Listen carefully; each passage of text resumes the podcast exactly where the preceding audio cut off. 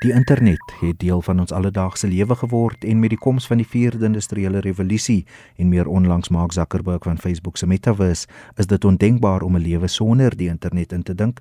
Maar hoe en waar het alles begin? Pieter Geldene is direkteur by die Instituut vir Tegnologie Strategie en Innovasie by Noordwes Universiteit, verduidelik. Die internet, ek, ek kom al 'n hele paar dekades met ons. Die heel eerste keer wanneer die internet aangeskakel was, was 1 Januarie 1983. Dit was die heel eerste keer toe 'n internetpakkie van een rekenaar na 'n ander pak ander rekenaar gestuur word. En uh, in die vroeë jare het ARPU, dit is die die navorsingsafdeling in die Amerikaanse weermag, het 'n manier gekry om 'n 'n netwerk te bou waar daar nie 'n gesentraliseerde punt is nie. En hulle het gebou as gevolg van die bedreiging van 'n kernoorlog waar jy dan die kern bediener kan uithaal. En die hele internet was gebou rondom hierdie beginsel dat daar nie 'n sentrale beheer is nie. Maar in die vroeë dae het hulle 'n ander protokol gebruik met die naam die NCP of die Network Control Protocol, maar op 1 Januarie 1983 het die internetprotokol geaktiveer geword. En dit was eintlik maar rekenaars wat mekaar gepraat het. Mettertyd het ons nuwe protokols geskep om dan as mense hierdie internet te kan gebruik. So ons het byvoorbeeld begin met FTP, die File Transfer Protocol of Telnet of selfs e-pos wat in 1985 gearriveer het. So hierdie was protokolle wat ons bo-op die internet gebou het. En hierdie begin van die 1990er jare het 'n persoon met die naam Tim Berners-Lee gesê, "Maar wag 'n bietjie, kan ons nie amper 'n Windows vir die internet skep nie?" En toe het hy begin met 'n blaaier omgewing. En dit was dan die begin van die wêreldwye web.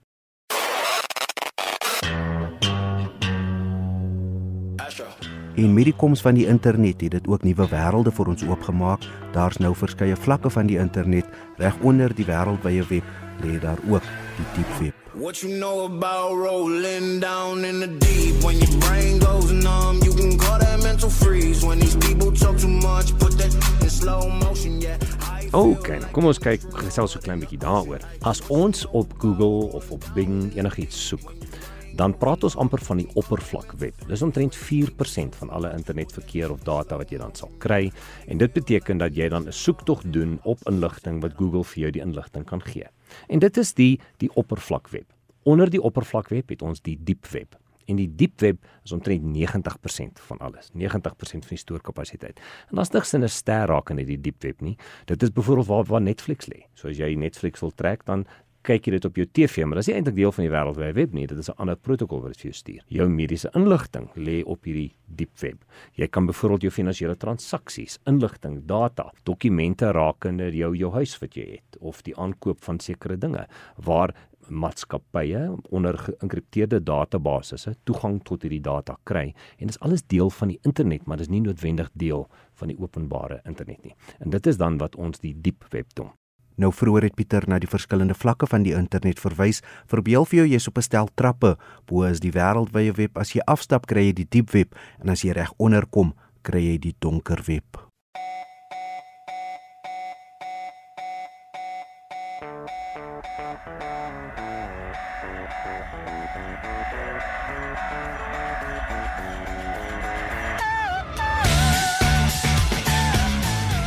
My naam is Basie van Solms. Ek is professor by die Universiteit van Johannesburg en op die oomblik is ek die direkteur van die Universiteit van Johannesburg se sentrum vir kubersekerheid. Ja, ek dink dit is soos om vir 'n ou wat nog net met 'n perkar gery het te verduidelik wat is 'n binnebrandmotor. So, kom ons sê net eers dit die donker web, dit die derde vlak nou.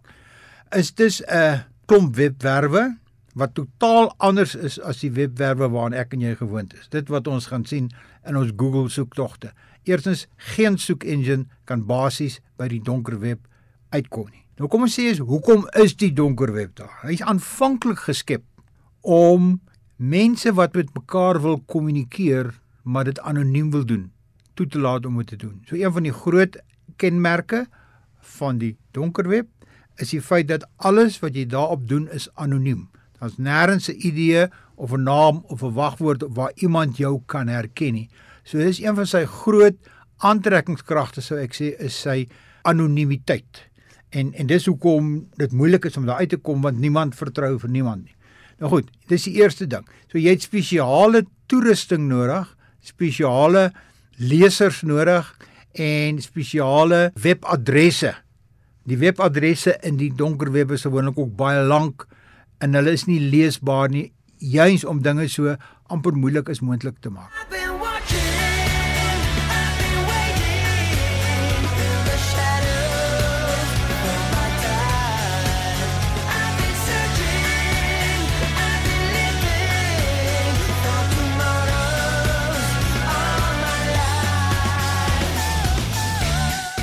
Maar is dit moeilik om by die donker web uit te kom? Nee, nee, jy kan jou gewone rekenaar gebruik, jy kan jou foon gebruik, jy laai net die Tor blaaier af wat openlik beskikbaar is en jy kan dan uh, argumente onthaalwe uh na hierdie webwerwe gaan kyk sonder dat hulle sien wie is. Nou jy kan dit met 'n normale blaaier ook doen want jy moet weet wat die internetadres is, maar gewoonlik ehm um, wil jy weet verbloem jy jou aktiwiteit op die donker web. Jy wil nie hê niemand moet sien wie jy is nie, waar jy vandaan kom nie, wat jou private internetadres is nie of die data wat jy mee kommunikeer nie. So jy kan die Tor blaaier aflaai en jy kan dan op die, die donker web ingaan. So as jy 'n krimineel is en iemand nooi jou uit, is dit nie baie moeilik om dan deel van hierdie database te vorm nie want jy laai dan net die sagte ware af en jy gebruik dan die sleutelwoord en wagwoord om toegang tot hierdie database te kry.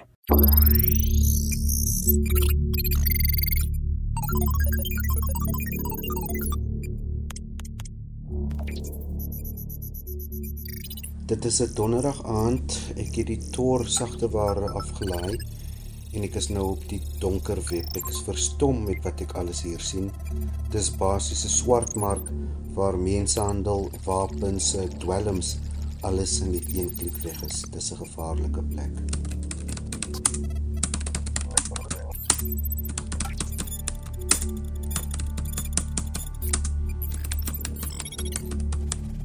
Soos enige tegnologie het dit later ontaard en vandag is dit eintlik meer bekend vir die onwettige bedrywighede wat daar aangaan. Dis 'n dis 'n donker wêreld daai. Dis 'n uh, uh, ek wil nie die Engelse woord skuilie gebruik nie, maar dis 'n plek wat ou baie versigtig moet wees. Want wat kry jy daar? Jy kan onwettige vuurwapens koop, jy kan kredietkaarte koop en dan kan jy betaal vir hoeveel geld op die kredietkaart is. Jy kan uh, enige kupons gaan koop soos van PayPal en die tipe plekke. Ehm um, en jy betaal volgens die gebruik wat jy daar uit gaan kry, volgens die geld wat jy uit kan kry. Jy kan uh onwettige data wat wat gesteel is en gekraak is, kan jy daar gaan kry. Jy kan pornografie kry. Dit is skynbaar baie bekend vir pornografie. En dan is daar nog baie ander dinge wat beweer word van die donker web waar jy byvoorbeeld kan gaan kyk hoe hoe, diere vermoor word en en ag gaan is nie is te is te veel om doen hom. Maar ongelukkig gebruik kriminele dit ook. So, kriminele kan dit gebruik vir mensenhandel, vir dwelmhandel en uh, ook natuurlik waar die ku- kuberkrakers betrokke is.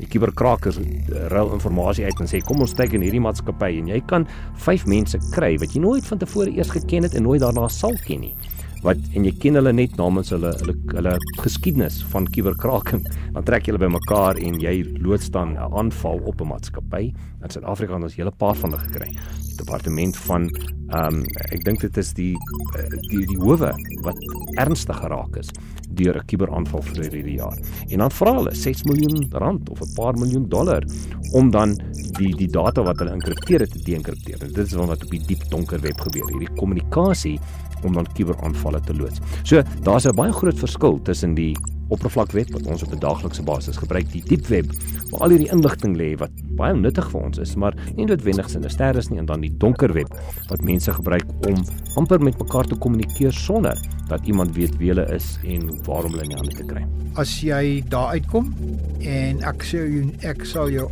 ek sal geen luisteraar aanraai om daar uit te kom as jy nie werklik weet wat jy daar wil gaan maak nie, want jy kan jou verskriklik maklik in die voet skiet deur dinge te begin uitvind en rondvra en agterdog te skep. Dis 'n dis 'n donker wêreld daai. Dis 'n uh, uh, ek wil nie die Engelse woord skuilie gebruik nie, maar dis 'n plek wat 'n ou baie versigtig moet wees. Maar ongeag sy slegte reputasie en ook al die onwettighede wat op die donker web aangaan, dien hy ook 'n goeie doel. En ons moenie aflei. En dis wat ek net ook probeer sê, maar ek moet dit miskien spesifiek sê. Moenie aflei dat die alles wat op die donker web gebeur is onwettig nie. Dis nie waar nie. Want soos ek gesê het, baie mense gebruik dit om met mekaar te kommunikeer. So as ek met iemand wil kommunikeer, of ek sit in 'n land waar daar 'n onderdrukkende regering of vir nie vryheid van sprake is nie, dan gaan ek dit gebruik en ek op daai manier kan ek inligting verskaf aan mense wat buitekant daai omgewing is wat wat dit met mekaar kommunikeer. Ook eh, spione kommunikeer met mekaar op die manier terroriste gebruik dit om om inligting uit te ruil en te beplan ensovoorts. Nou dis nie noodwendig wettig nie, maar wettig kan jy hom gebruik vir werklik goeie redes as sodanig. Maar soos enige tegnologie wat ek net nou gesê het, hy het 'n goeie kant en hy het 'n slegte kant. En die slegte kant lyk dit vir my amper nou is die mense wat hom misbruik. Nou jy het die jy het die term of die die uh joernaliste genoem. Joernaliste gebruik dit ook baie. Want as hulle byvoorbeeld in so 'n land sit en hulle wil 'n boodskap uitkry, 'n berig uitkry na hulle hoofkantoor toe, dan kan jy hom via die donker web kan jy hom laai en jy en daai ouens weet waar om hom te gaan aflaai. Dis alles goed wat voor die tyd heel waarskynlik ooreengekom word.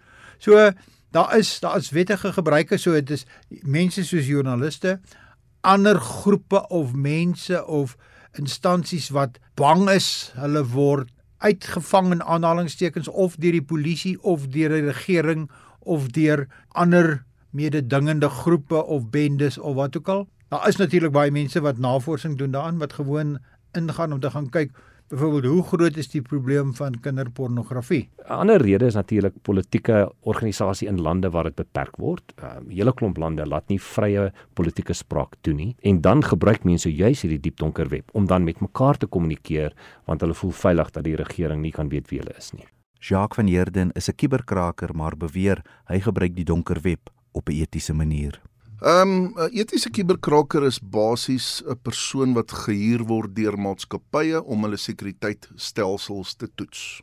Uh daar's baie verskillende maniere. Ehm um, ek plant gewoonlik 'n klein rekenaar boksie en daai boksie sal terugkommunikeer na my toe of ek sal my rekenaar op die netwerk sit en dan deur die deur my rekenaar sal ek dan verstaan hoe werk die netwerk van die maatskappy. Maar oor die algemeen is dit maar my ou klein boksie wat ek plant.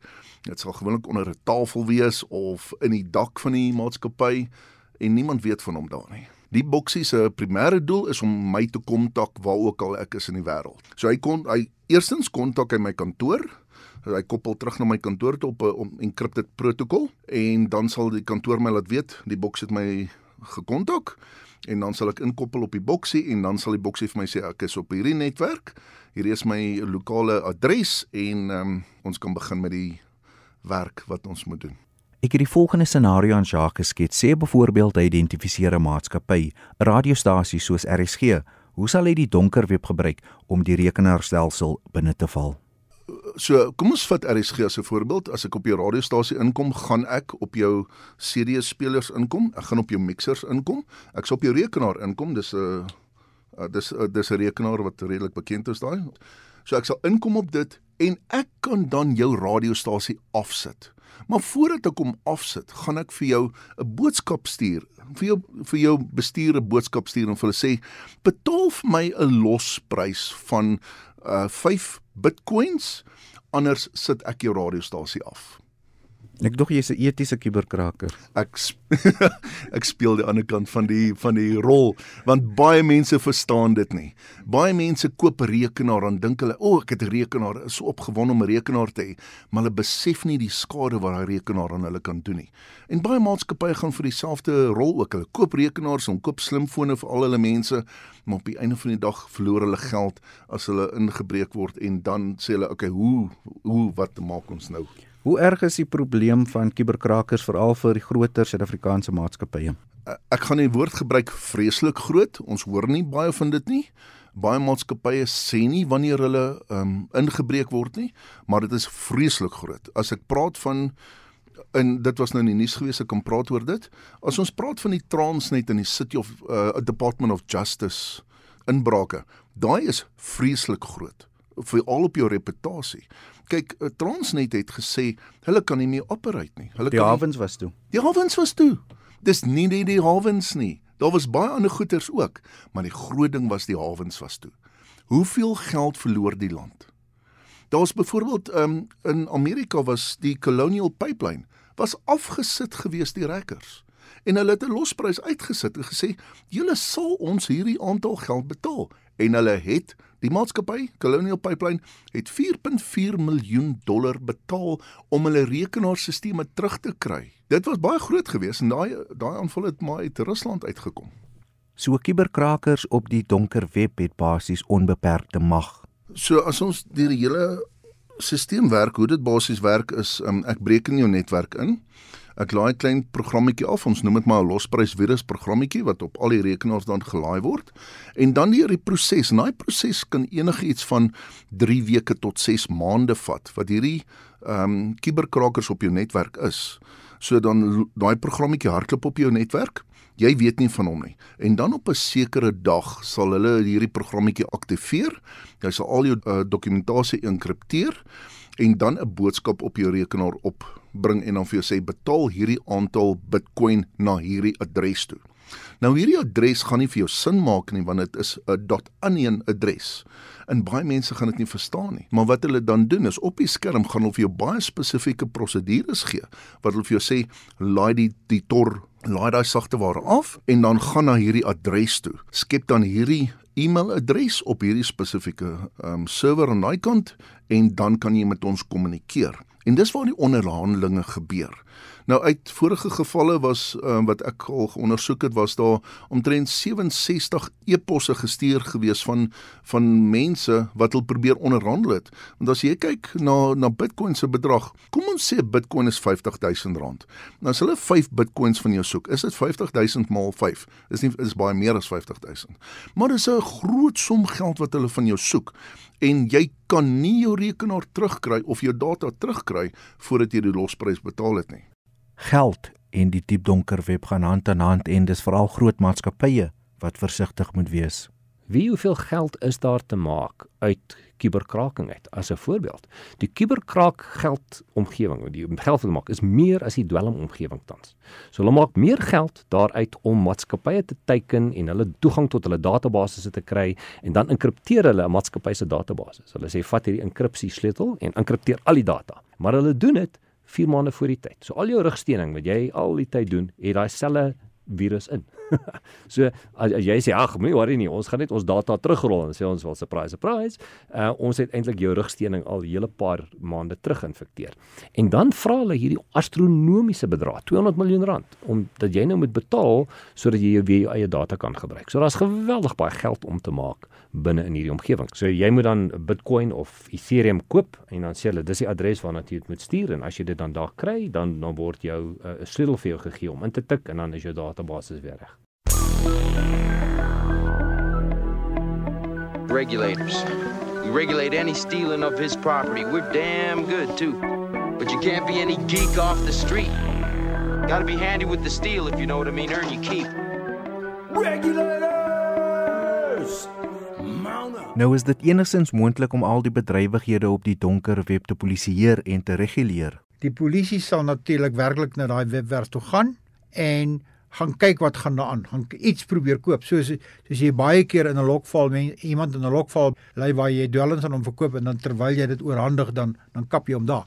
Uh dit gebeur natuurlik ook. Ek dink die polisie, die kuberpolisie, die kuberafdelings van polisiedienste is definitief daar besig want jy kry ook daar inligting wat wat jou gaan help met jou met jou wets toepassing. Jy kan dit nie eintlik beveg nie, want want hier kan iemand 'n Tor blaaier aflaai en niemand weet waaroor jy praat nie en niemand weet waaroor dit gaan nie.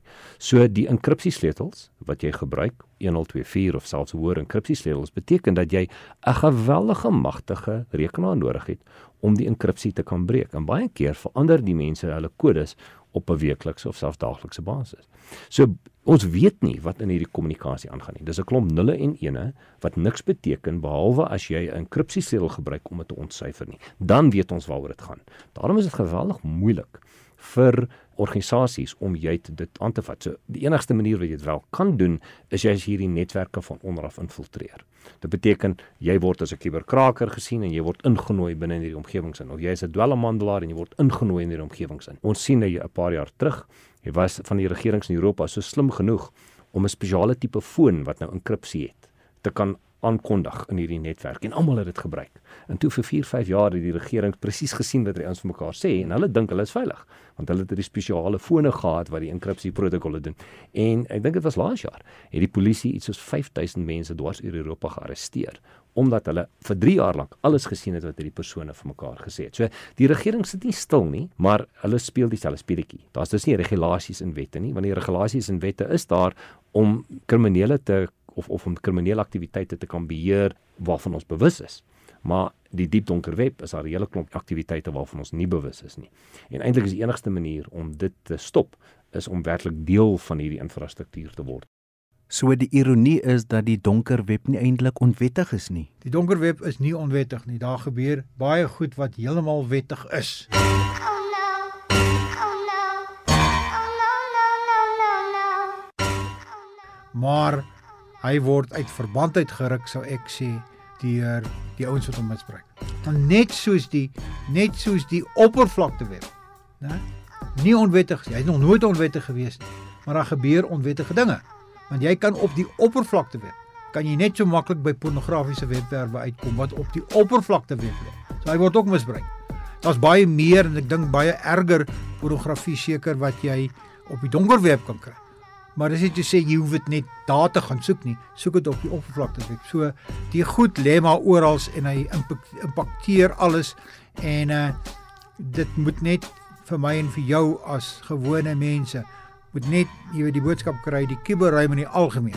As ek van die kuberruim praat dan praat ek van die oppervlakte web, die die diep web en die donker web. Die kuberruimte is nie vir sissies nie. Dis 'n gevaarlike plek, dis die wilde weste. As jy daar wil werk selfs in die oppervlakte omgewing, wees baie versigtig. Sorg vir jouself want niemand anders gaan dit doen nie.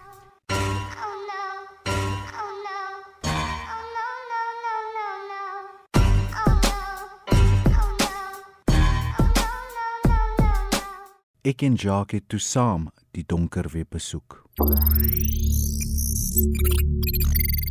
Jacques, sê vir my gou, wat sien ons nou hierso? Wat ons hier sien is een van die die wel 'n paar van die bladsye waarby mens goederes kan koop. Ehm um, aan die linkerkant sê jy sien jy kan byvoorbeeld 'n uh, EMP generators koop. Nou dis ek weet dit is nou Engels, maar EMP generator kan jou rekenaar afsit van 'n afstand af. Jy kan human slaves koop. Dis letterlik en hulle is baie spesifiek daarso.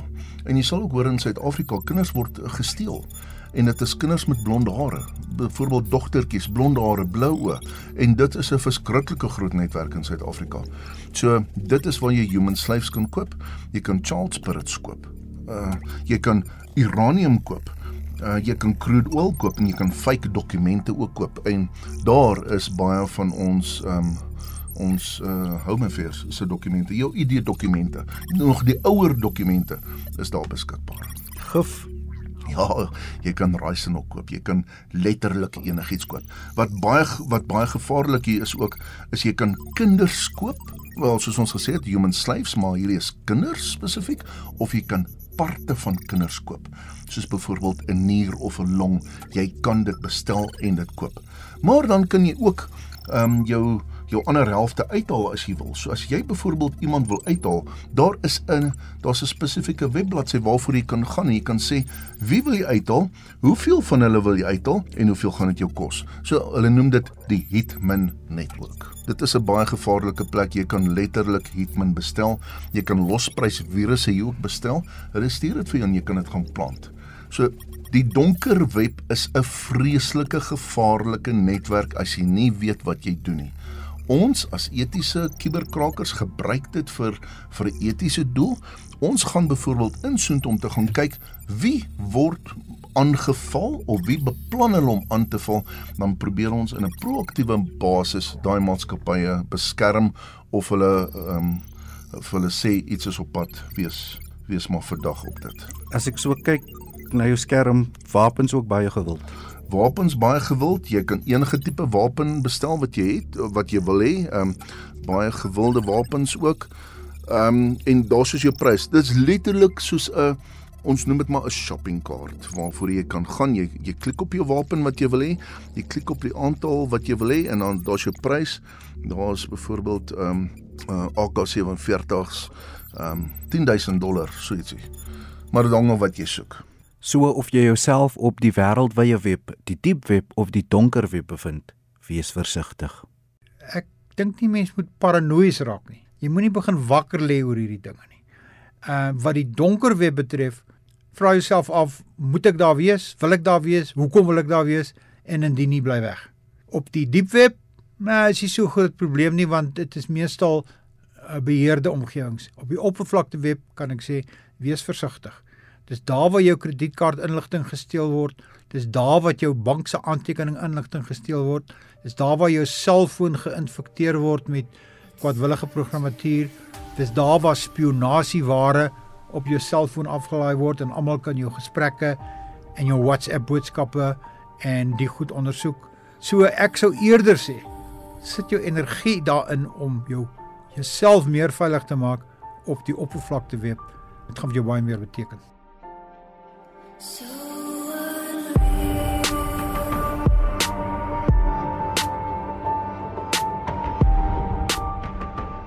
En dit was dan die Diep Donker Web, 'n dokumentêr saamgestel en vervaardig deur Jody Hendriks. Dankie aan die gaste professor Basie van Solms, Pieter Geldenhuys en Jacques van Heerden wat bydraes gemaak het. Ook musiek verskaf deur Capone, Master Wolf en The Erasmus. I tried so hard and got so thousand even